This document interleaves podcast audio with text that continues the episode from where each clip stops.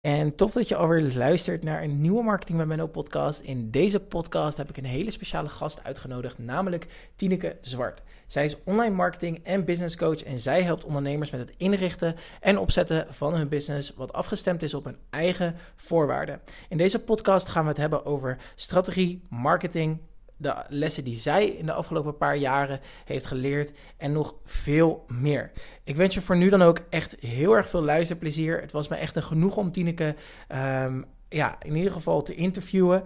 En mocht je het nou heel erg een toffe podcast hebben gevonden, deel hem dan graag uh, even op je stories. Tag mij of Tineke erin. En uh, dan wens ik jou voor nu nog een hele prettige dag en veel luisterplezier. Superleuk, Tineke, dat je op de podcast bent. Ik heb er echt zo erg naar uitgekeken. Ik heb jou inmiddels al 30 berichten gestuurd. Ik zei het net al, uh, om je op de podcast te krijgen. Um, als allereerste, hoe is het met je? Hoe is business? Hoe is life? Uh, vertel. Ja, leuk. Nee, ik voel me vereerd dat ik hier mag zijn en dat je mij zo graag erin wilde. Ik werd al helemaal blij van jouw benadering. Ik hou ook van dat soort nou, bold moves, dat je gewoon niet opgeeft en uh, meerdere reminders stuurt. Het gaat goed. Ik heb toevallig, uh, zei ik vorige week nog tegen mijn uh, nieuwe coach, Simone de Jong heet zij. Zij zit op het gebied van mindset en intuïtie. Ik, ik heb bewust eventjes geen business coach die op strategie en zo zit op dit moment. Omdat ik juist op dat andere vlak dingen wilde doen. En ik zei tegen haar, ik heb denk ik nog nooit nooit een moment gehad in mijn leven dat, dat het allemaal zo goed ging. Mijn relatie gaat goed. Ik heb net een huis gekocht samen met Tristan, mijn vriend. Met familie gaat het goed. Met vrienden. Mijn bedrijf floreert. Dat is echt een woord wat ik ook nooit gebruik. Maar dat is wel het best passende woord. En het gaat goed. Bijna zo goed dat je, dat je er bang van wordt. Misschien ken je dat gevoel wel. Dat je bijna denkt, dit kan niet. Ik wacht tot iets instort. Weet je wel? Dat er iets misgaat. Maar uh, Simone zei ook, doe normaal. Geniet hier lekker van. Dus... Uh, ja, het gaat echt beter dan ooit, denk ik zelfs. Wauw, wow, wat, super, wat super relaxed om, uh, om dat te horen. Want um, nou ja, ik, heb, ik heb natuurlijk een, een uh, marketing podcast, maar ik vind het niet alleen maar interessant om over marketing te praten, maar ook gewoon over uh, nou ja, wat, wat schuilt er achter de persoon, achter zo'n zo'n ja. zo'n bedrijf, zeg maar. Uh, want kan jij misschien een klein beetje vertellen wat, ja, misschien hebben mensen het inmiddels al heel vaak gehoord, maar dat weet ik ja. natuurlijk niet, want sommige mensen die kennen jou niet. Ik ken jou dan wel heel goed, maar uh, heel goed, voor mijn idee heel goed. Maar ja. kan je misschien wat vertellen over jezelf en wie je bent en wat je doet en hoe je dat doet? Zeker, nee. Nou ja, goed, ik zeg nu begin ik met, wow, het gaat beter dan ooit. Maar daar heb ik natuurlijk ook wel mijn weg naartoe gehad. En juist met heel veel struggles wel. Ik uh, kom oorspronkelijk uit Friesland, uit Jouden. Veel mensen kennen dat wel van de grote rotonde waar het altijd vast stond. Uh, ik kom uit een doodnormaal gezin. Niemand is ook ondernemer in de familie. Ik heb twee jongere zusjes. En de ene die woont vijf minuten links van mijn ouders in Jouden met haar vriend uit Jouden. En de andere vijf minuten rechts van mijn ouders met haar vriend uit Jouden. En ik ben altijd een beetje de losgeslagen dochter uh, geweest. Zo zeg ik het wel eens voor de grap.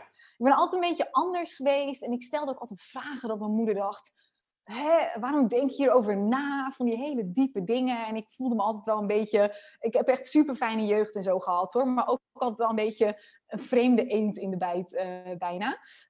Um, ik wist ook eigenlijk op jonge leeftijd dat ik gewoon iets anders wilde doen. Ik wilde heel graag uit Friesland ook losbreken. Want echt niks ten nadele van Friesland. Het is een fantastische plek. Ik kom er ook heel graag. Maar ik voelde dat er meer in zat.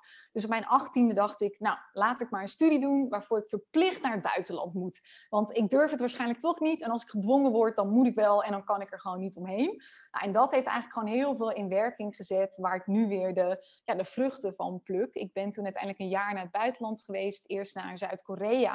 Uh, ik wilde eigenlijk naar Duitsland. Ik dacht lekker dichtbij. Maar goed, er was geen plek meer. Dus ik moest naar Zuid-Korea. Echt vet spannend allemaal. Uh, toen, Korea ja, ook gewoon.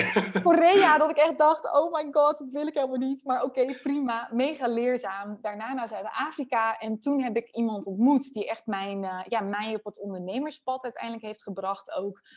Um, dat was mijn inmiddels ex-vriend. Daar heb ik in 2015 ben ik daarmee gestart met ondernemen. Hij was eigenlijk altijd al ondernemer puur zang. Hij was altijd al bezig met techniek en weet ik het wat. Hij kocht toen ook, weet ik nog, in 2011 bitcoins en zo. Daar was hij helemaal into dat soort dingen. Um, ik ben uiteindelijk gewoon eerst in loondienst gegaan. Ik ben in 2013 afgestudeerd en ik dacht, nou, ik ben Tineke en ik ben een werknemer. Net als mijn ouders, net als mijn zusjes. En ondernemen, dat stond niet eens in mijn woordenboek. Ik heb daar echt nooit bij stilgestaan eigenlijk. Totdat hij op een gegeven moment zei, hij komt uit Zuid-Afrika. En hij zei, ja, we zitten hier een beetje in Nederland. Ik heb het fucking koud. Eh, ik vind het helemaal niet chill. Waarom gaan we niet iets met online marketing en zo doen? Dat ik dacht, uh, ja, oké, waarom niet? Um, dus dat zijn we samen gaan doen. Hij was heel goed in technische dingen en zo. Dus hij is toen uh, de achterkant van het adverteren gaan doen. Dus de techniek, zoals jij dat waarschijnlijk ook super goed kunt. ik ben meer de psychologie gaan doen. Dus echt de teksten schrijven, mensen in beweging zetten, de funnels erachter. Nou, en dat bleek toen gewoon een gouden zet. En toen gebeurde er iets waar ik totaal niet op voorbereid was. Want binnen een half jaar uitrijden wij toen gewoon een miljoen omzet. Uh, gingen we vet hard opschalen en weet ik het wat. En dat was fantastisch. Klinkt ook allemaal fantastisch. Maar uh, misschien, ja, ik weet niet of jij dit ook herkent. Als iets te snel gaat, dan kun je het mentaal soms niet meer bijbenen. Dan is het gewoon too much wat er dan op je afkomt. En um, ik, ik, weet ook niet wat, met wat voor budgetten jij werkt voor je klanten. Maar wij hadden toen bijvoorbeeld echt budgetten van 20.000 euro per dag. En ik weet nog dat we op een gegeven moment met z'n tweeën in de bios zaten. En dat er een license was verlopen van de website van een van onze klanten. Waardoor de website weg was. Dus het was een blanco pagina. Maar op dat moment, in die twee uur tijd, hadden wij voor 20.000 euro traffic naar die lege websitepagina gestuurd. Want ja, Facebook, die denkt niet, oh, er is geen website, we moeten hem stoppen. Nou, en toen hadden we echt, we hadden soms dus zulke, zulke grote problemen. En dat komt allemaal op je schouders, dat ga je op elkaar afreageren. Tenminste, dat is niet standaard, maar dat gebeurde bij ons. Dus toen is eigenlijk mijn leven een beetje ja, in, in duigen gevallen wel.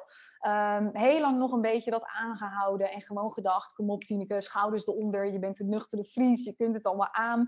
Totdat je op een gegeven moment op een punt komt en denkt, weet je, dit is het the point of no return. En toen ben ik uh, uh, besloten om in één keer uh, de stekker uit alles te trekken. Uit mijn relatie, uit mijn bedrijf. Ik ben verhuisd van een villa in Kaapstad aan het strand in Camps Bay naar een zolder van, van 20 vierkante meter in Amsterdam. En dat deed ik toen ook bewust. Ik, ik had echt zoiets, ik moet even terug naar de basis. Weet je, even helemaal met dat ik niks heb, dat een villa me niet definieert en dat ik gewoon even een soort van soul searching weer kan doen.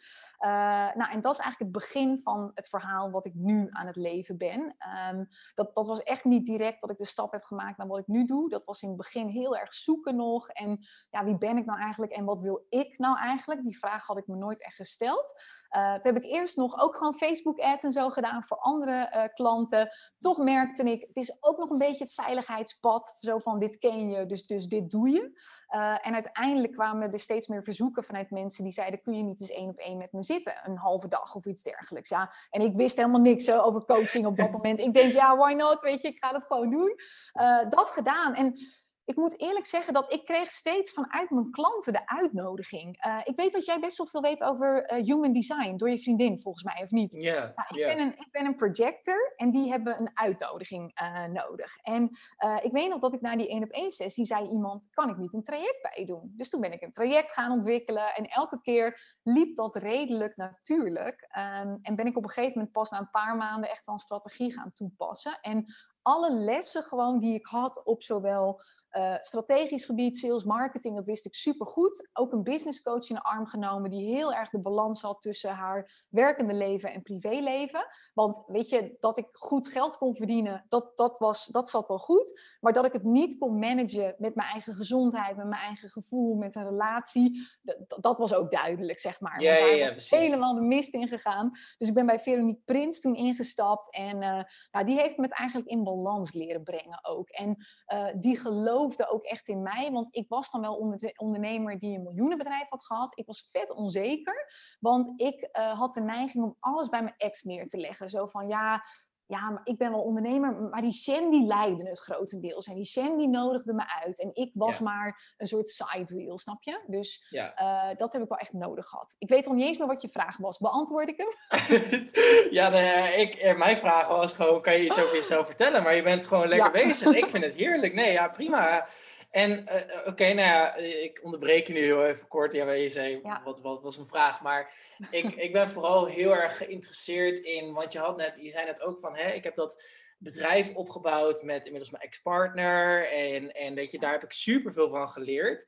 Um, maar als ik het even terugpak naar bijvoorbeeld uh, uh, de relatie met bijvoorbeeld jouw familie. Uh, hoe was die toen de tijd dan, zeg maar, toen je de, ja, tijdens dat je eigenlijk dat miljoenbedrijf aan het opbouwen was en dat je gewoon bezig was in, in Zuid-Afrika en dat soort dingen. Hoe, hoe was die relatie dan toen de tijd nog? Ja, goede vraag. Die is me nog nooit echt eerder gesteld. Dus dat is wel leuk dat je er nou vraagt. Nou, ik weet, um, ik pak hem eerst even terug op nog een moment daarvoor. Um, mijn moeder heeft best wel heel veel moeite nog gehad met de relatie met mijn uh, partner. Want hij was Indiër, dus donkere huidskleur uit Zuid-Afrika. Dus zij heeft heel veel moeite gehad om hem ook te, ja, te accepteren. Eigenlijk in de familie. Dus dat was al best wel een struggle. En hij was dan ook nog eens een keer die man die hun dochter naar het buitenland trok. Nog meer dan ik al deed. Dus dat vonden zij gewoon soms gewoon wel eens spannend. En ik merkte vooral, zij konden het niet behappen wat wij deden. Weet je, voor de oudere generatie, ja, dat je miljoenen verdient binnen een half jaar, dat kunnen ze gewoon niet pakken. Dus ik weet nog dat mijn familie op een gegeven moment ook zei, mijn, mijn ouders, die zaten heel serieus en die zaten zo tegenover me en ze zeiden je doet niks illegaals, toch? je bent geen drugs aan het verkopen. En ik zei, nee, tuurlijk niet, weet je. Maar uh, zij hebben heel veel moeite gehad om dat hele businessmodel te begrijpen. En überhaupt te snappen dat je inderdaad met online marketing, Facebook ads en schaalbare producten, dat je supersnel winst en omzet kunt, uh, kunt draaien. Dus ik merkte wel dat uh, wij raakten elkaar toen een klein beetje kwijt. Niet alleen omdat zij mijn wereld niet meer zo goed begrepen. Ze wilden het wel, dus er was helemaal geen kwade intentie of iets dergelijks. Maar het is best wel moeilijk om ook te beseffen, dat had ik voor mezelf al, dat je dochter of je zus of je nicht opeens in een in een miljoenenomgeving zit, in een villa aan het strand. Uh, wij vlogen toen ook mijn hele familie over naar Florida. Dus toen zijn we echt met een stuk of 15 mensen samen op vakantie geweest. Mijn tante, mijn nichtjes. En niemand besefte het op de een of andere manier. En ik was zelf best wel gesloten in die tijd, want ik, ik besefte het voor mezelf ook niet. Als iets te snel verandert, dan, dan moet je het eerst intern processen en dat lukt soms niet. Dus ik hield heel veel dingen opgekropt. Ik, ik deelde ook niet dat, ons, dat de relatie steeds slechter ging. Dus mijn ouders hebben ook wel eens gezegd, we konden niet bij je in die tijd. Ik was heel erg bezig met oké, focus, klanten tevreden houden, uh, mijn relatie redden. En er was bijna geen ruimte meer voor, voor familie, voor vrienden. Uh, dus ik, ik was er wel, maar ik was er ook niet echt, snap je? Dus, dus ik was wel aan het praten, maar ik deelde niet echt wat ik voelde en wat er nou daadwerkelijk gebeurde. Dus, dus dat heeft ook mijn relaties wel op het spel gezet, ja. Ja, vond je, vond je dat moeilijk? Ja, eh, nou, weet je, achteraf denk ik, ja, dat was eigenlijk heel moeilijk. Maar op zo'n moment, als je um, als je leven gewoon heel snel aan het veranderen is, dan functioneer je vaak een beetje op adrenaline. Dus ik, ik merkte dat ik zo'n rush kreeg van dat leven ook en alle snelle beslissingen die we steeds moesten nemen, de hoge budgetten, dat ik eigenlijk niet eens de ruimte had om stil te staan bij hoe moeilijk het was. Dus ik merkte dat juist toen ik het uitmaakte, toen ik eruit stapte, dat heb ik ook vier maanden bijna niks gedaan, dat ik toen pas dacht, holy shit, ik moet echt even bijkomen. En toen kwamen ook pas alle gevoelens en zo eruit. Ja, ja, en hoe is, hoe is die relatie dan met je moeder momenteel? En ook überhaupt gewoon met je familie? Hoe, hoe is die nu?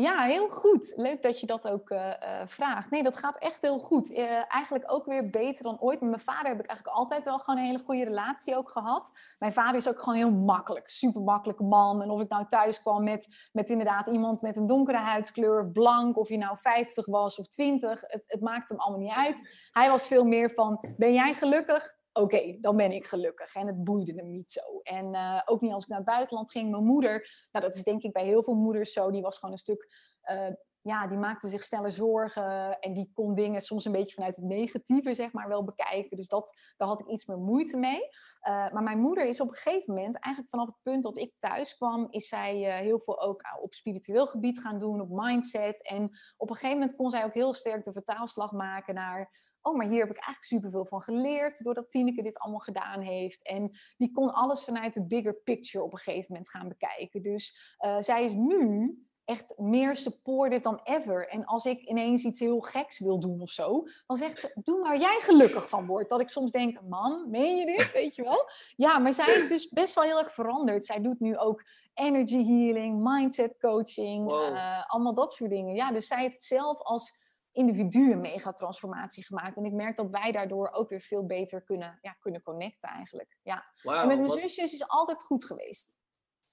Cool, cool. En, en, en daar heb je dus gewoon nu nog steeds gewoon goed contact mee. En dat is gewoon allemaal gewoon, uh, gewoon tof. Ja, cool. Mijn zusjes komen ook dit weekend langs. Ik zie ze wel een stuk minder dan dat de rest van de familie elkaar ziet. Want ik zit nog wel steeds als enige in Rotterdam. Uh, ik ga naar mhm. Almere verhuizen, dus dan ben ik al een stukje dichterbij. Maar het doet niet af aan de band die ik heb. Weet je, je het hoeft niet altijd zo te zijn dat je een betere band met mensen hebt als je ze meer ziet. Als ik er ben, dan ben ik er ook echt. En ja, en, ja dat is gewoon oké. Ja, precies. Ja, super. Echt, echt, echt. Ik denk echt, zo, wat een verhaal, joh. Echt, je hebt zoveel meegemaakt. En, en dan pak ik hem even op, op de vier maanden. Uh, want je komt terug uit Zuid-Afrika. Het is uit met je relatie. Je, je, je moet even weer even tot je senses komen. Uh, je gaat vier maanden op die zolderkamer zitten. Hoe voelde je je op dat moment? En wat dacht je, wat, wat was zeg maar een beetje jouw uh, nou, ik kan niet zeggen motivatie, maar wat was er wel een beetje waarvan je dacht van oké, okay, hmm, ehm, nou ja, ik probeer even een beetje goed te verwoorden, om de juiste woorden te zoeken. Maar um, waar wilde je graag, um, waar was je vooral mee bezig in die vier maanden, zeg maar, in die periode? Was je heel erg bezig van oké, ik wil mezelf weer even terugtrekken en ontwikkelen? Of had je zoiets van, nou ja, misschien is het wel weer leuk om een ander bedrijf op te gaan bouwen? Hoe was dat voor je? Nou, ik schommelde een beetje tussen twee werelden. Misschien herken je dat ook wel, dat je de ene keer zit je heel erg in de mindset, oké, fuck it, ik ga dit doen, ik ga die business bouwen. En de andere keer denk je, oh, ik wil gewoon weer een loondienst, help, ik snap er niks van, weet je wel. Dus ik, ik ging toen heel erg heen en weer tussen enerzijds... Ehm, ik, ik, wil ondernemen en ik kan dit en het komt goed. Um, anderzijds heb ik ook gesprekken gehad voor sollicitaties. Ik ben echt weer gaan solliciteren ook, omdat ik ergens heel hard de overtuiging had ik ben geen ondernemer, mijn ex is een ondernemer. En door hem lukte dit en ik kan het niet alleen. Dus ik had mezelf nog niet geïdentificeerd met het ondernemer zijn. Uh, dus enerzijds had ik op werkgebied heel erg dat ik in mijn soort van mannelijke energie wel zat. Dat ik dacht, oké, ik ga ervoor en dit komt goed en in de actie. Anderzijds liet ik ook wel mijn emoties er heel erg zijn. En zat ik soms ook gewoon een beetje huilend op mijn slaapkamertje dingen te processen. En kwam het gewoon binnen dat ik op een gegeven moment dacht, wow, je hebt gewoon een miljoenenbedrijf gehad. Je hebt dit gedaan, je hebt dat gedaan. Heb, is dit echt gebeurd? Weet je, dat je het bijna niet beseft en dat het toen pas binnenkwam. Um, maar ik had eigenlijk geen doel op dat moment. Ik had toen zoiets van, ik, ik moet het even verwerken. Uh, wel een beetje dat ik af en toe in de stress zat van, ik moet wel weer geld ook gaan verdienen. Uh, ik had het namelijk heel slecht geregeld, ook met mijn ex. Um, misschien denk, zijn er nu mensen die denken dat ik uh, miljonair of zo ben, maar dat, uh, daardoor, dat ben ik niet, omdat ik geen euro uiteindelijk meekreeg. Dat stond allemaal op zijn naam. Ik ben oh, daar heel naïef in geweest, dus ik, ik kreeg ook niks mee. Ik betaalde mezelf een salaris destijds uit van 4000 netto per maand. De rest blijft dan in je business vaak zitten. Uh, dus dat was eigenlijk het enige wat ik, wat ik had op dat moment. Um, yeah. En ik had wel een spaarpotje hoor. Ik had iets van, wat, wat is het? Ik denk dat ik iets van 35.000 euro op mijn spaarrekening had dus ik had toen zoiets van, hey, ik geef mezelf de ruimte tot aan 20.000 om uh, te kunnen ontdekken wat ik wil, wie ik ben. En toen ik ben gaan ondernemen in juni uh, eh, 2017 voor mezelf, toen had ik zoiets, ik ga dit doen totdat ik op de 10.000 uh, spaargeld zit en anders moet ik alsnog in loondienst. Uh, maar dat was ook een bizar verhaal. Ik weet niet of ik dat ooit ergens heb verteld. Mijn oom is op een gegeven moment uh, heel plotseling overleden in die tijd. Uh, hartstilstand. En toen stonden wij in de krant met een overlijdensadvertentie. En normaal gesproken stond daar Richen bij. Dus Tineke en Richen. Dat stond er niet. Dus ik kreeg een appje van iemand die zei... hey, ik zag de overlijdensadvertentie van je oom, maar Richen staat er niet bij. Is het uit? Waar, waar ben je nu? Ben je terug in Nederland? En toen raakten wij aan de praat. Hij was ondernemer. En toen zei hij, hey, maar jij hebt toch Facebook-ads en zo gedaan. Uh, kun je dat niet eens voor ons bedrijf doen? Dus de overlijdensadvertentie van mijn oom was eigenlijk de, de, advertentie voor mijn business, wat dat betreft. Zo, jeetje, uh, oké. Heel bizar, ja. En toen heb ik uh, gezegd, oké, nou ja, let's do it, weet je wel, waarom niet? En dat ja. liep eigenlijk net als bij jou, liep dat heel snel uit de hand. Want binnen twee weken had ik toen zes klanten. Uh, ik had nog niet eens Kamer van Koophandelnummer. Ik dacht na een maand, oh god, ik moet ook nog inschrijven en weet ik het wat allemaal. Belasting, belasting. Belastingdingen. Op de fietsen naartoe dacht ik, oh shit, ik moet ook een bedrijfsnaam. ik hou van simpel, simply, oké, klaar, weet je. Ja. Ja. Wauw, wow. en toen is dat dus eigenlijk allemaal zo, zo ontstaan. Toen zijn die klanten naar je toe gekomen, et cetera. Oké, cool. Dus en, um, en hoe, en, en je komt dus uit die vier maanden periode, als ik het goed begrijp. En opeens, uh, je hebt die advertentie, de, iemand neemt contact met je op, uh, je hebt opeens klanten, et cetera. Was dat niet voor jou dan dat je denkt, wow, dit is opeens even een zieke overwhelm. Ik denk dat ik weer terug aan het gaan ben naar de periode dat ik weer in Zuid-Afrika aan het, aan het gaan ben. Of dat is misschien een aanname die ik nu maak, maar misschien dacht je dat wel toen de tijd. Dat je denkt van, oh fuck, straks kom ik weer exact in diezelfde situatie terecht. Ja. Hoe, hoe deelde je daar dan zeg maar mee? Ja, goede vraag. Ik merkte toen dat ik heel onzeker was. Dus ik denk dat ik letterlijk met mijn kennis en ervaring had ik 500 euro per uur kunnen vragen. Maar ik vroeg 25, want ik was heel bang dat ik het niet goed zou doen en weet ik het wat. Dus moet je nagaan. drie jaar geleden, vier jaar inmiddels, zat ik op 25 euro per, per uur. Ehm, maar wat ik merkte, ik vroeg hele kleine bedragen, want ik was onzeker en ik dacht, nou, dit kan ik aan, dit kan ik dragen. Ik had het ook helemaal niet zo druk, want ik had op dat moment had ik eerst zes klanten binnen die twee weken. Maar ik merkte wel dat met dat ik weer in die advertenties dook, kreeg ik meteen weer het stressgevoel van toen we dus veel meer klanten hadden en die miljoenen omzet. Soms hoef je niet per se hetzelfde te doen, maar zit je wel in dezelfde situatie, wat dan bepaalde gevoelens uh, triggerde. Dus ik merkte dat, ook al had ik het vele malen rustiger, het stressniveau kwam heel snel terug, uh, omdat het weer iets triggerde. Dus dat was niet heel prettig. Uh, ik ben er toen ook vrij snel eigenlijk weer mee gestopt. En ik had op een gegeven moment ook zoiets van: Jezus, team, weet je, je doet heel veel, maar je doet het altijd op uitnodiging van een ander. Wanneer ga je nou eens kiezen wat jij wilt? Wanneer laat je het nou eens niet aan een ander over. Een ex die inderdaad vraagt, zullen we ondernemen? Of uh, iemand die inderdaad vanuit een overlijdensadvertentie notabene zegt, wil je dit voor mij doen? En uh, toen heb ik nog wel een tijdje, heb ik me één keer nog laten verleiden door uh, een uitnodiging van een ander. Toen ben ik nog in de crypto-wereld beland een tijdje, want ik wilde even niet meer met ads en zo bezig zijn. Toen heb ik als marketing consultant voor bedrijven daar uh, gewerkt. Dus toen dacht ik de marketingstrategie uit en dat soort dingen. En toen daarna, toen was het op een gegeven moment klaar. Toen durfde ik het ook echt aan, had ik mijn spaarpotje weer een beetje opgebouwd om te denken, oké, en nu wil ik echt ontdekken wat ik helemaal leuk vind. Ik ben wel op de uitnodiging ingegaan van mensen die een één op één sessie wilden. Maar daarin bleef ik heel dicht bij mezelf steeds. Het gaat op mijn manier, op mijn uh, hoeveelheid uren die ik er dan wil instoppen. En zo heb ik eigenlijk een beetje geoefend met ja, dichter bij mezelf komen, als het ware.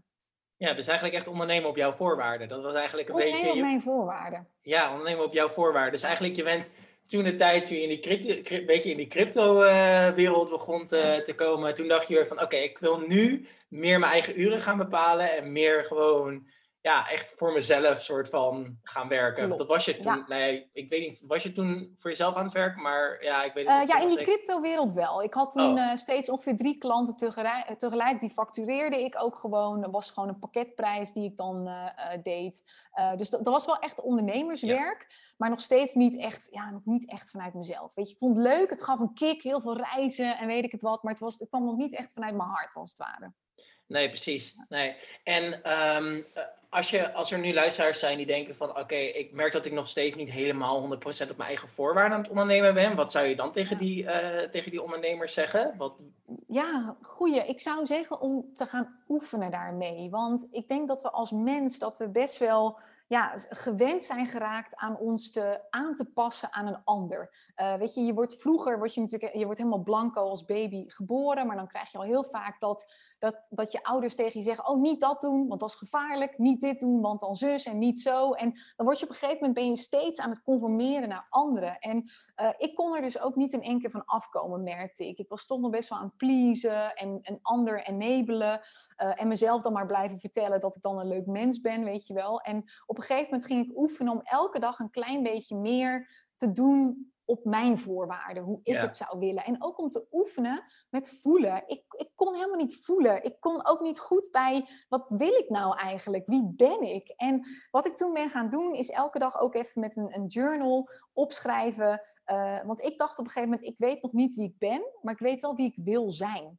Ik weet wat voor karaktereigenschap ik wil hebben. Ik weet wat voor indruk ik wil achterlaten op mensen. En toen dacht ik, nou, dan schrijf ik gewoon dat op en dan ga ik dat oefenen. Weet je, dus als ik loyaal wil zijn of behulpzaam, ga ik dat gewoon oefenen elke dag. En dan word ik vanzelf die persoon. Dus um, ik, ik ben dat eigenlijk een beetje gaan, uh, uh, gaan doen. En uh, dus het advies ook voor de luisteraar, ga met hele kleine dingetjes oefenen.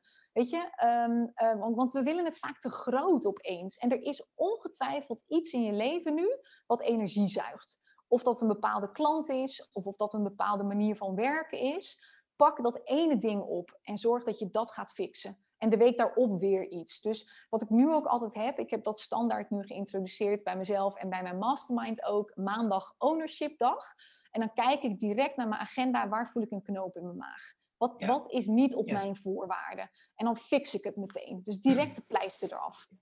Ja, precies. Ja, wauw. Oké, en dat heb je dus nu langzamerhand een beetje meer ingerold voor ook al je klanten en zo. Dat je elke maandag zeg maar. Ja. eindelijk. Ja, ik vind dat wel grappig. Uh, um, uh, bijvoorbeeld die IMU heeft dan de Victory Lounge. En dat is dan voor IMU Plus leden. Ja, ik ga nu niet de hele pitch maken voor de IMU. Oh, maar daar, zeggen zij ook van, hè, doe elke maandag of zo. Uh, of iedere week gooi één ding waar je dan trots op bent. Van Sharona heb ik dat ook heel erg meegekregen. Van, oké, okay, doe elke maandag iets van dankbaarheid of iets in die richting. En ik vind het wel grappig dat je dit nu zo zegt. Want ik, ik heb heel erg het idee dat, en dat, misschien herken jij dat wel, dat heel erg weinig mensen heel erg uh, zoiets hebben van: oké, uh, ik sta werkelijk waar stil bij het werk en nou ja, ik ben niet echt dankbaar voor wat ik zeg maar mag doen. Dat heel erg veel mensen heel erg tunnelvisie naar voren aan het rennen zijn, uh, dus continu aan het rennen zijn, maar niet heel erg ook stilstaan bij: oké, wat heb ik nou deze week bijvoorbeeld bereikt? Of wat, ja.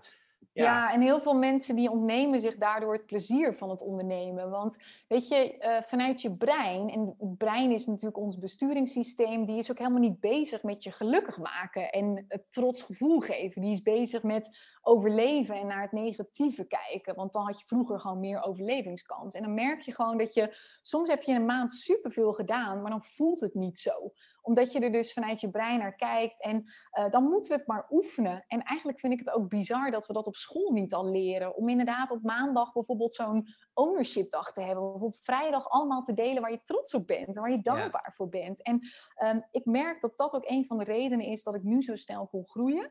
Uh, want uiteindelijk ben ik binnen twee jaar van 0 naar 500k jaaromzet uh, gegroeid. En ik heb altijd gefocust op dat wat er wel is. En daarom zeg ik nu ook vaak tegen mijn klanten: wie het kleine niet eert, is het grote ook niet weerd. Weet je? Um, als ik binnen vier jaar van 25 euro per uur kan groeien naar dat wat ik nu vraag, dan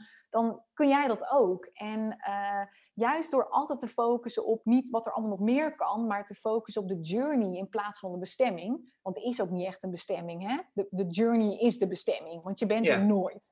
Uh, dat hebben ook heel veel ondernemers als ze eenmaal 10k per maand draaien. Misschien herken je dat wel, dat ze denken, oh, dan, dan splijt de hemel open en dan ben ik gelukkig en weet ik yeah, wat. En de meeste van mijn klanten die hebben het niet eens door dat ze 10k per maand draaien en willen dan direct door naar 20. Dus het is zo belangrijk om dat te oefenen. Het liefst eigenlijk elke dag. Ik weet niet hoe vaak jij het nu doet.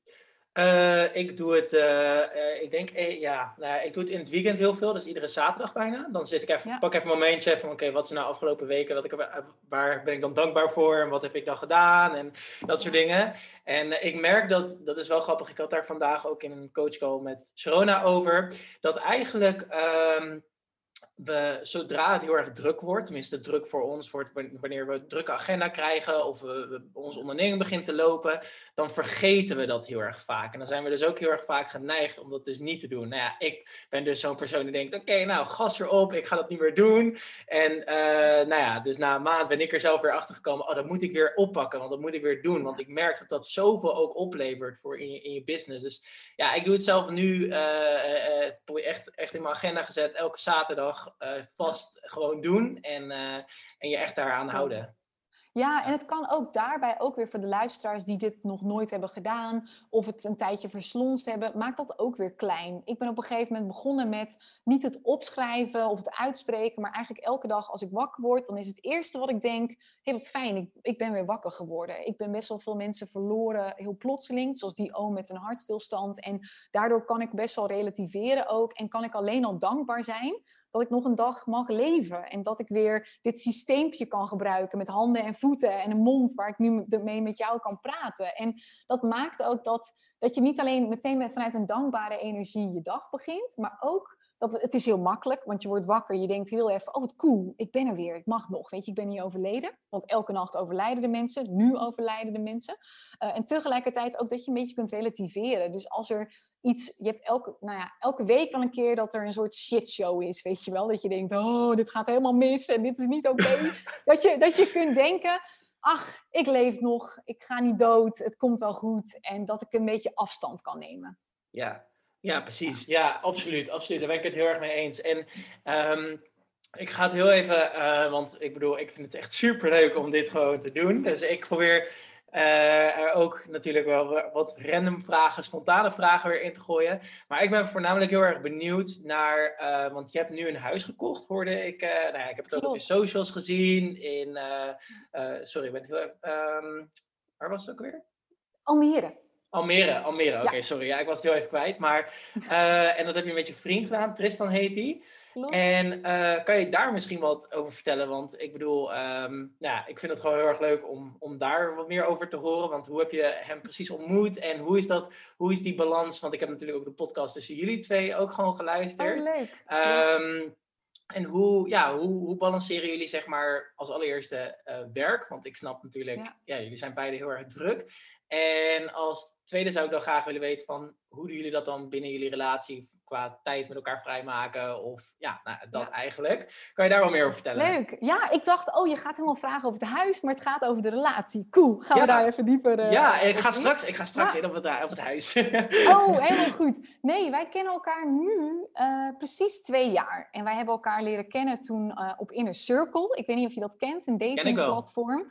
En het was eigenlijk wel grappig, want ik had toen vijf maanden lang, was ik niet echt op dating apps en zo. Ik, ik weet niet, dat was gewoon niet helemaal mijn ding. En dat, ik, ik had er niks mee. En als je dan de hele dag online bent, ook voor je business, dan heb had ik niet zoveel zin om dan dat ook nog te doen.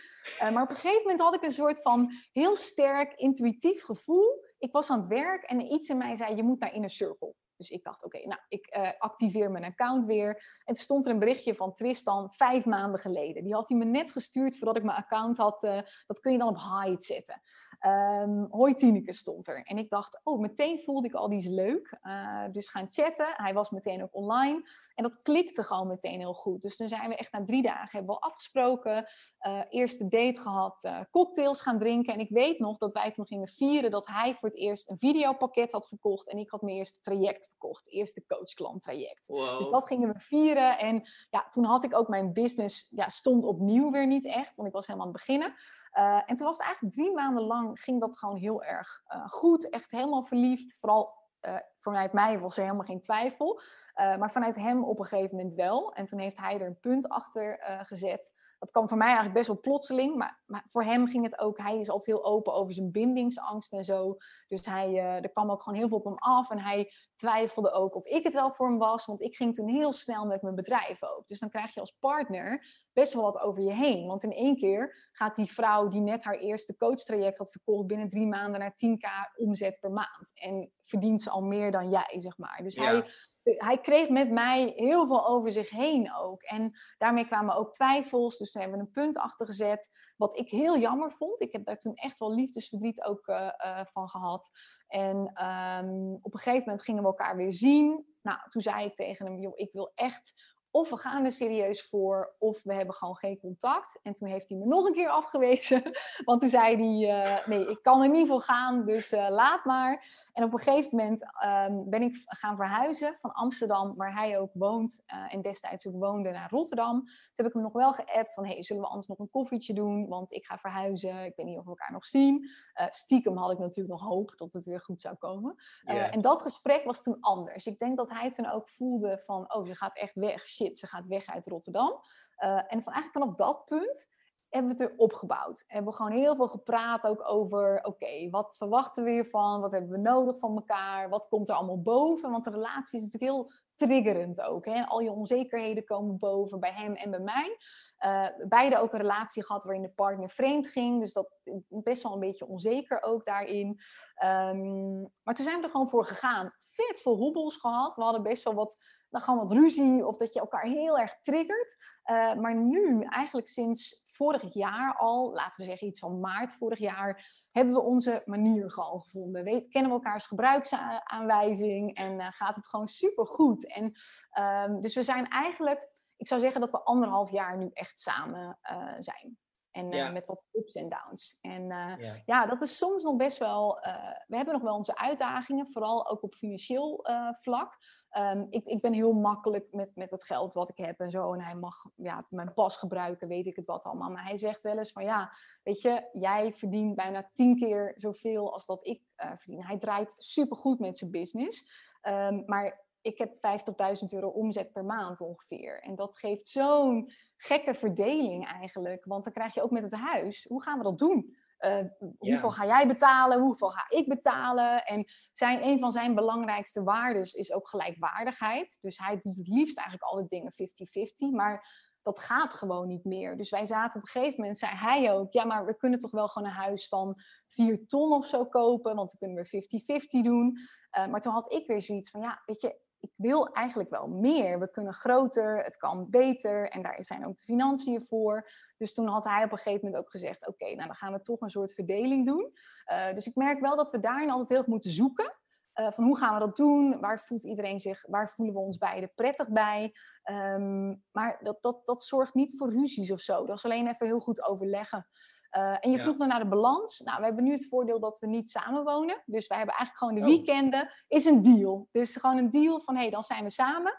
Uh, dus vrijdagavond komt hij meestal komt hij hier. Hij vindt het heel lekker om hier te zijn. Nou, vind ik top. Dan hoeft Zoe, mijn kat, ook niet alleen te zijn. Uh, en dan blijft hij tot zondagavond zoiets of zondagmiddag.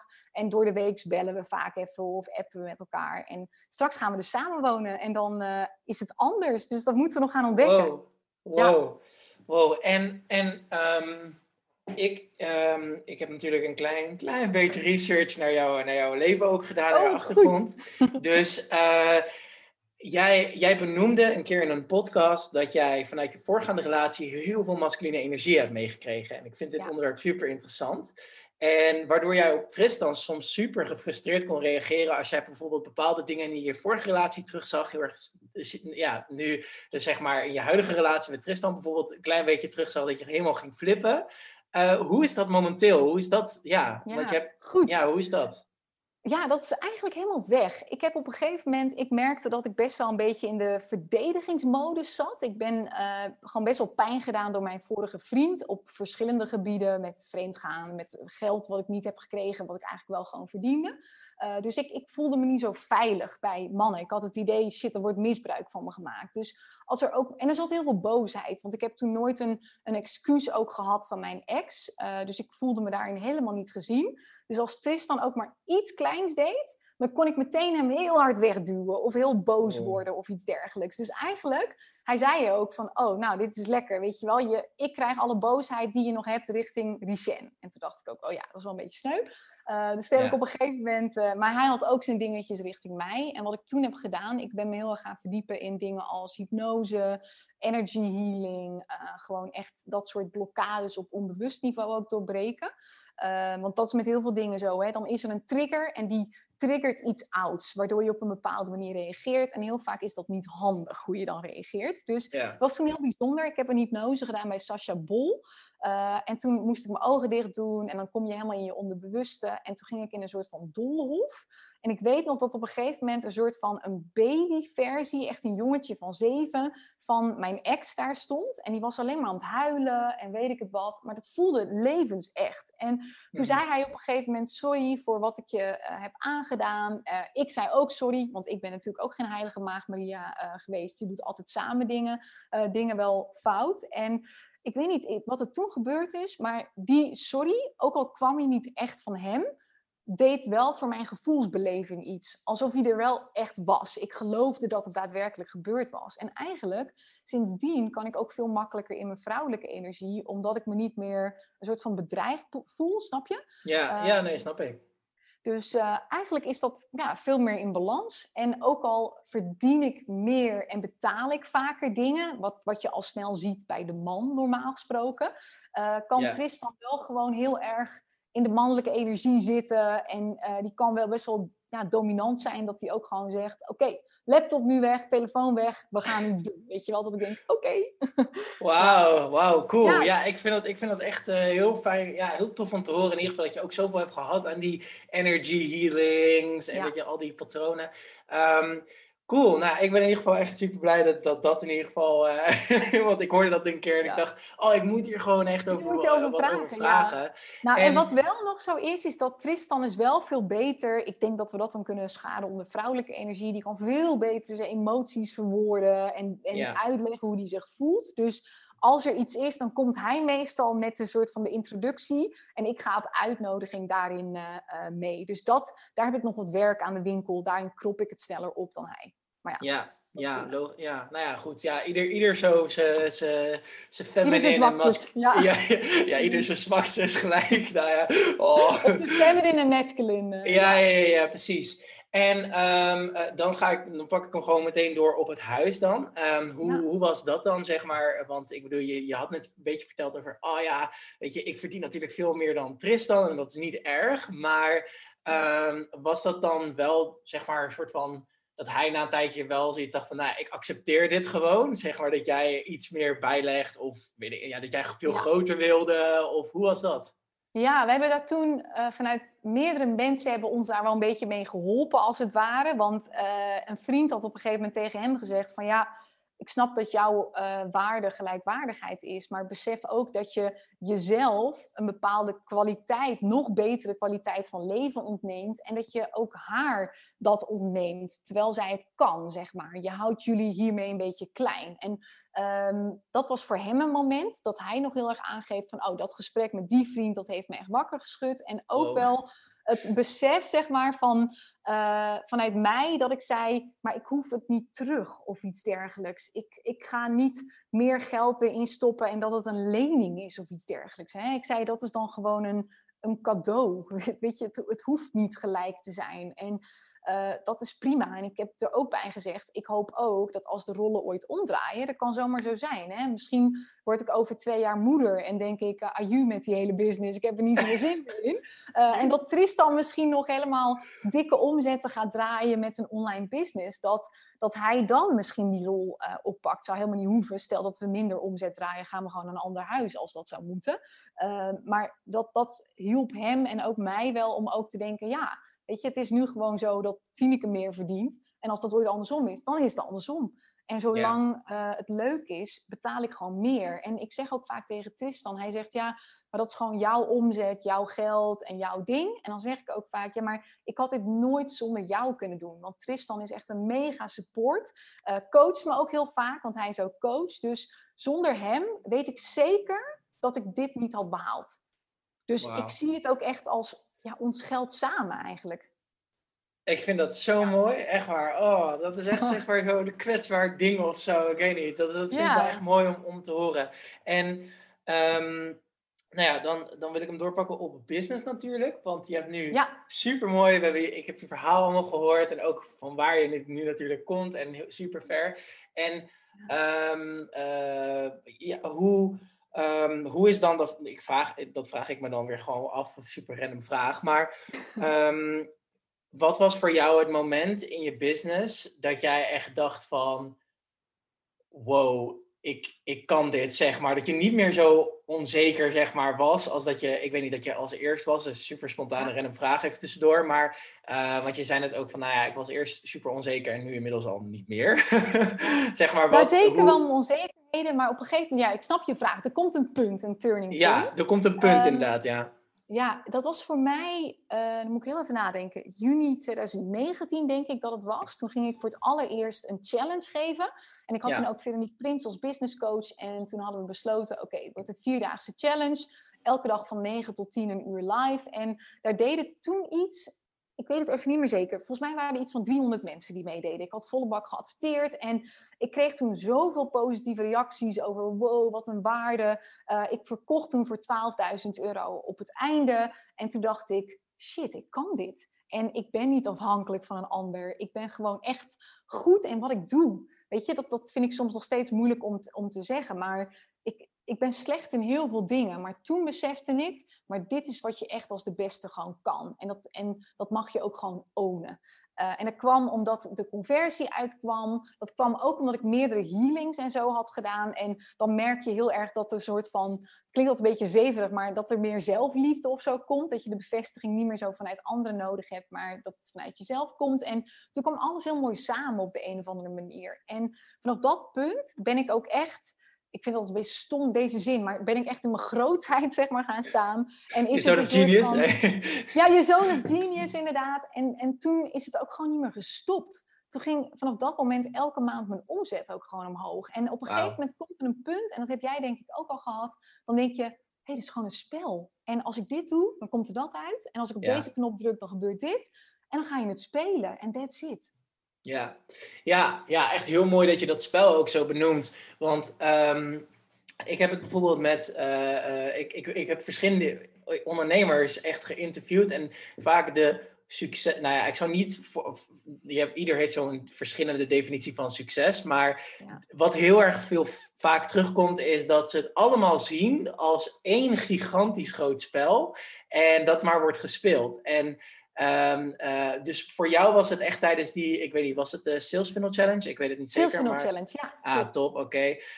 Um, nou, had ik het toch goed. Ja, maar, uh, of heb ik het goed. Maar um, voor jou was dat dan dus eigenlijk een soort van de tipping point, wanneer je eigenlijk kwam van, oké, ik ben niet meer onzeker, ik ben gewoon fucking goed in wat ik doe. En ik, vanaf dat punt ben je alleen maar gaan door en doorknallen. En had je ook het besef moment dat je dacht van, nou, het ondernemerschap is eigenlijk gewoon één groot gigantisch bordspel. Ja. En, en kan jij misschien een paar situaties nog noemen waarin je dat soort van. Um, um, uh, misschien bij andere klanten van jou of misschien bij jezelf, dat je dacht van.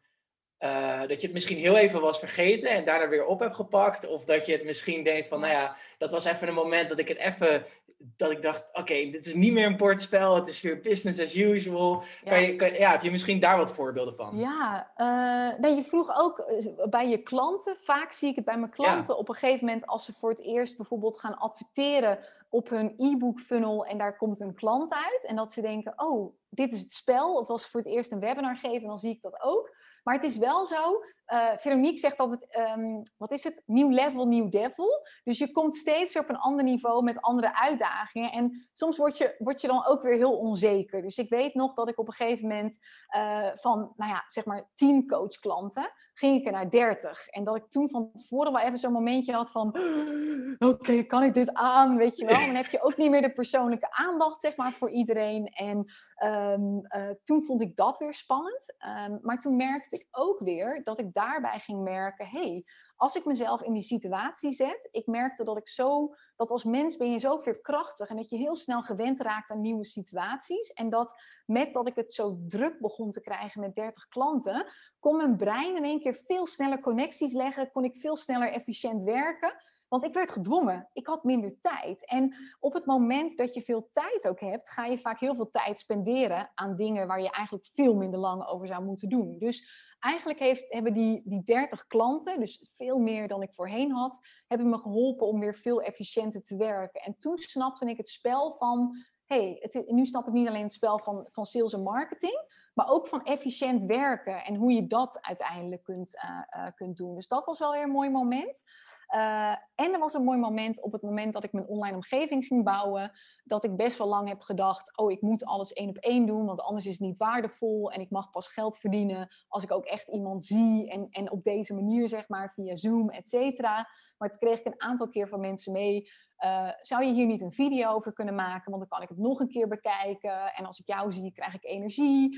Uh, dus ik zou heel graag iets van een module willen. En toen dacht ik, shit, ik hoef helemaal niet zo één op één uh, van alles te doen. En dat was ook weer een soort van awakening moment. Dat ik dacht, het kan inderdaad in een online omgeving. En dan kan ik van 30 naar duizenden mensen uiteindelijk. Dus ja. dat was ook weer een stukje uh, dat je in, ja, in een soort nieuwe wereld of zo wordt, wordt geslingerd. Uh, en wat voor mij een hele grote is geweest, ik ben best wel lang bang geweest. En dat zit er soms nog steeds wel. Ik heb een overtuiging gecreëerd als ik weer een miljoenenbedrijf heb, word ik ongelukkig. Want dat is wat ik de laatste keer had. Dus op de een of andere manier zit er iets in mijn brein waardoor die denkt, als dat, dan dit, weet je wel. En uh, ik heb daar ook veel gesprekken met Tristan en zo over gehad. Ook weer dat stukje healing en zo gedaan. Dat uiteindelijk kwam het gevoel ook weer, en dat was ook weer zo'n moment dat alles veranderde van Nee, dat heeft niks te maken met omzet. Dat heeft gewoon te maken met ownership. En in hoeverre jij op jouw voorwaarden dingen doet. In hoeverre jij het toestaat dat jouw business je privéleven vernietigt, als het ware. Uh, dus toen kon ik dat stukje ook weer loslaten. Ik weet niet, leg ik het zo een beetje begrijpelijk ja, Ja, ja, ja, ja, ja zeker. zeker. Ja, nee, ja. Ik, voor mij is het in ieder geval uh, helder.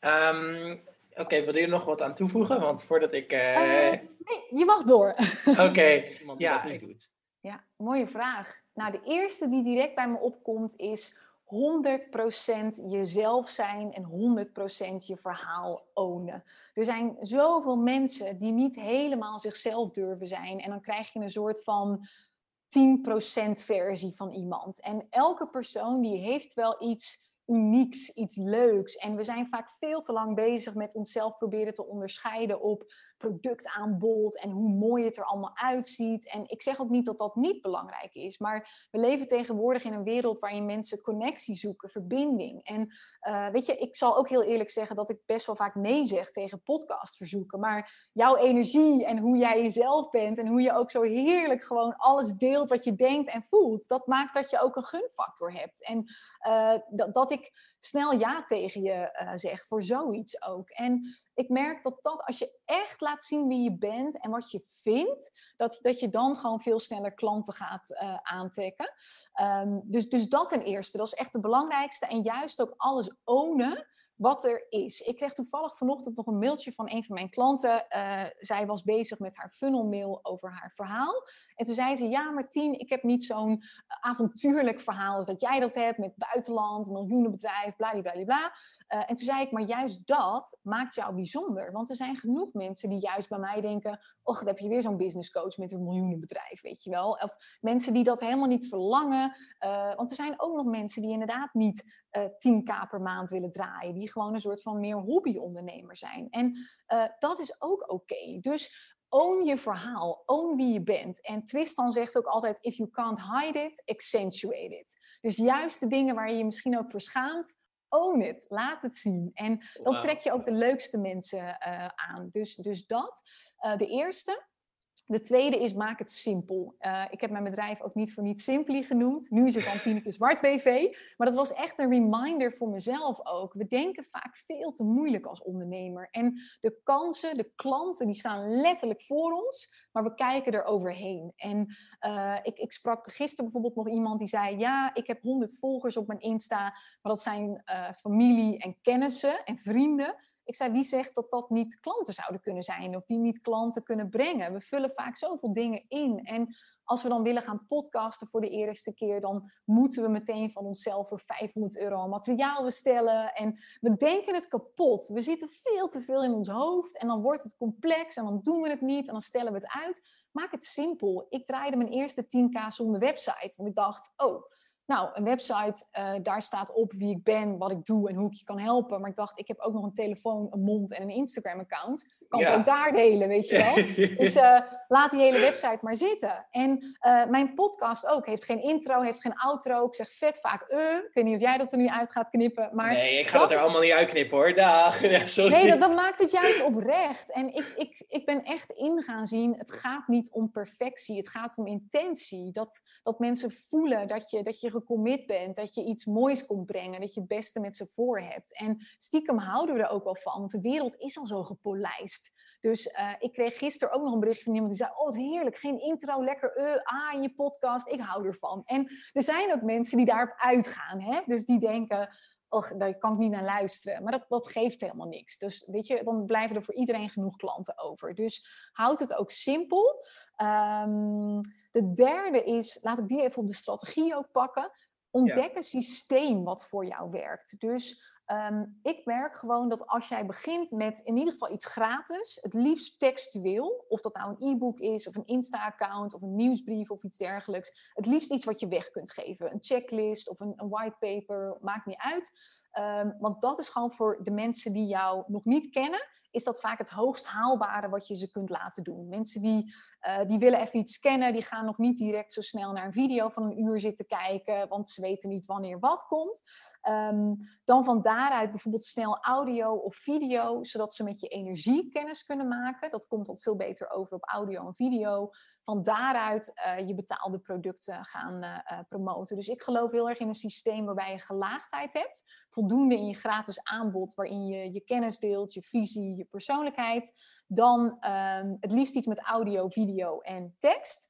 Dan iets entry. En dat kan zijn een uh, uh, betaalde online training van 50 euro. Of een keer een workshop voor een paar tientjes. Dat geeft mensen dat eerste zetje om klant te worden bij je. En van daaruit naar andere uh, producten. Maar dat is niet de enige manier. En ik geloof dat de route naar succes, wat succes ook maar mag betekenen voor je, dat, ja, dat het voor iedereen een ander pad is. Weet je, wat voor jou succes is en vrijheid is heel anders dan wat het voor mij is. En de een zal helemaal aangaan op online trainingen verkopen en nooit één op één contact hebben met mensen. Een klant van mij die heeft vier kinderen en die zegt, nou ik hoef echt niemand meer te zien, ik wil alleen maar online trainingen. Ik heb genoeg sociaal contact met die kinderen van me. Dus dat is haar vrijheid. Dus ze focussen volledig op een business bouwen die alleen maar online trainingen verkoopt. En een ander, een andere klant van mij, die houdt heel erg van verdieping, één op één, het contact wat wij nu hebben. En die heeft niet online trainingen, die heeft alleen maar één op één coaching en dergelijke. En ik merk gewoon dat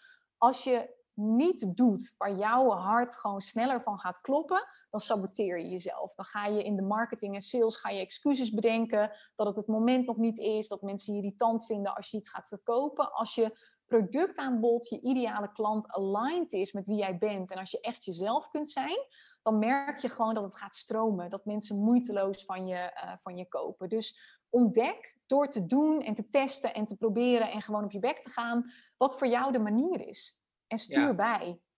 Ja, echt wow. Ik vind dat echt. Tineke, je, je geeft echt hele mooie antwoorden. Ik vind dat echt geweldig. um, en als, als ik uh, als ik uh, even tussendoor, als ik aan jou denk, dan denk ik dat jij altijd in. Want, want jij, jij, jij hebt natuurlijk heel veel verschillende klanten. En we hebben het net over de succesfactoren van, uh, ja, van, van, van een succesvolle ondernemer. Wat maakt dat nou? En jij zegt ook, jij zei net iets moois van hè, de ene persoon die wil volledig online. En de andere persoon die vindt het natuurlijk heel erg mooi om die één op één contact te hebben. En ik vind het als ik aan jou denk, dan, ja, ik weet niet waarom ik dat moet, maar dan denk ik, oké, iemand die heel erg voor in het vuur gaat voor al haar klanten, zeg maar. Voor, ja. nou ja, ik weet niet of je ook mannen coacht, maar ik was een wel, paar. denk ik. Ja, een paar. Ik wil meer. Dus als jij veel mannelijke luisteraars hebt, wees welkom bij ik, ik, ja, oké, nee, tof. Nou ja, goed, dan, uh, ik zal al mijn mannen wel even doorsturen. Nee, maar um, ik, ik vraag me nou gewoon af, want um, het is ook bijna, uh, ik, anders voor deze podcast natuurlijk echt uh, 6,5 uur. Um, als het gaat om jouw klanten, waar word jij dan persoonlijk heel erg geëmotioneerd van? Of waar word jij dan heel erg, waar denk jij dan van, oh, ja. dit, hier, kan, e-, hier kan ik echt ik hoorde ook volgens mij uh, in de About You podcast dat jij een keer, uh, of jij, jij was daar aan het janken over, over een story van, van een van jouw klanten. Ja, um, met Larissa bedoel je? Ja, maar ja, klopt. Ja. ja. ja. die heb ik ook geluisterd. En, want ik dacht van, nou ja, ik moet natuurlijk wel even research doen. Ja, wat en, goed. En ik, ik, ik, hoorde dat, ik hoorde dat verhaal over haar, maar ik wilde deze vraag heel graag stellen, omdat ik dacht, wat emotioneert nou Tineke, zeg maar, als het gaat om haar klanten, ja. maar ook gewoon, je mag hem ook gewoon breder trekken dan dat. Ja, nou wat mij emotioneert is als iemand op haar of zijn pad van ja, alignment zeg maar komt. Als ik, als ik zie en voel dat iemand, dat de ogen open gaan. Dat ze dus voor het eerst een klant krijgt en mij appt. Dat, daar moest ik toen om huilen in die podcast met Larissa. Ze zei, Botien, ik heb een klant. Ik, het is mijn allereerste klant. En ze zei tegen mij, ik wil specifiek jou. En ik kan er nog niet bij. Dat is voor mij dat ik denk, oh, echt, deze persoon heeft nu voor het eerst gevoeld, gezien en meegemaakt dat er mensen op haar zitten te wachten. En, en dat zij gewild is door mensen. En dan, dan zie ik gewoon die awakening uh, momenten. Of dat iemand voor het eerst eindelijk weer een week vrij neemt, wat ze heel lang niet durfde. En zei, oh, mijn klanten leven nog. En ik heb eindelijk weer, weet je, er is niemand overleden. Ze hebben me misschien een beetje gemist, maar het is goed gekomen. En ik heb echt genoten van mijn vakantie. Dus ik, ik geniet van de momenten waarop zij inzien dat er een andere realiteit bestaat met andere gevoelens. En dat zij het waard zijn om ja, om te genieten. En uh, ik geniet ook als ze gewoon dingen op hun eigen manier doen. Dus weet je, ik, ik heb natuurlijk mijn manier met online trainingen, één op één coaching. Uh, en ik word daar heel blij van. Maar een van mijn klanten heeft bijvoorbeeld een compleet ander businessmodel. Uh, en voor het eerst, en zij dacht heel lang dat ze het op mijn manier moest doen. Zo van, oh, want Tineke is de expert en ik moet het doen zoals zij. En dat ik ook zei, nee, helemaal niet, weet je. Dit is waar ik van aanga, maar jij gaat ergens anders van aan. En ik werd toen heel blij dat ze haar eerste kaartje verkocht van het aanbod wat echt van haar was. Dus eigenlijk is het samenvattende antwoord: ik word blij als mensen echt hun eigen pad zeg maar bewandelen. En dat, dat, dat de eerste uh, punten van dat het slaagt, dat het lukt, dat het kan, dat ze dat gaan zien.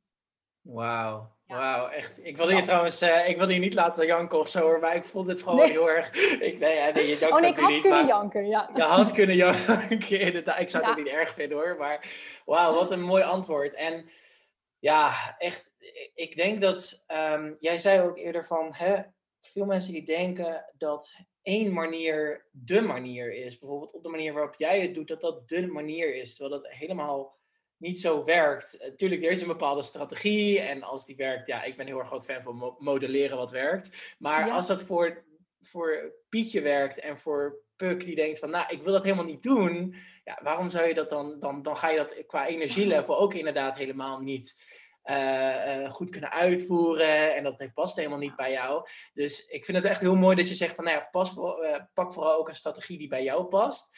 Um, en dat je zegt van, hè, ik, um, wanneer iemand gewoon nou ja, ik zou niet zeggen de code heeft gekraakt, maar wel zegt van, ah, ik, ik, ik, I made it, zeg maar. I, I did something. I put, ja.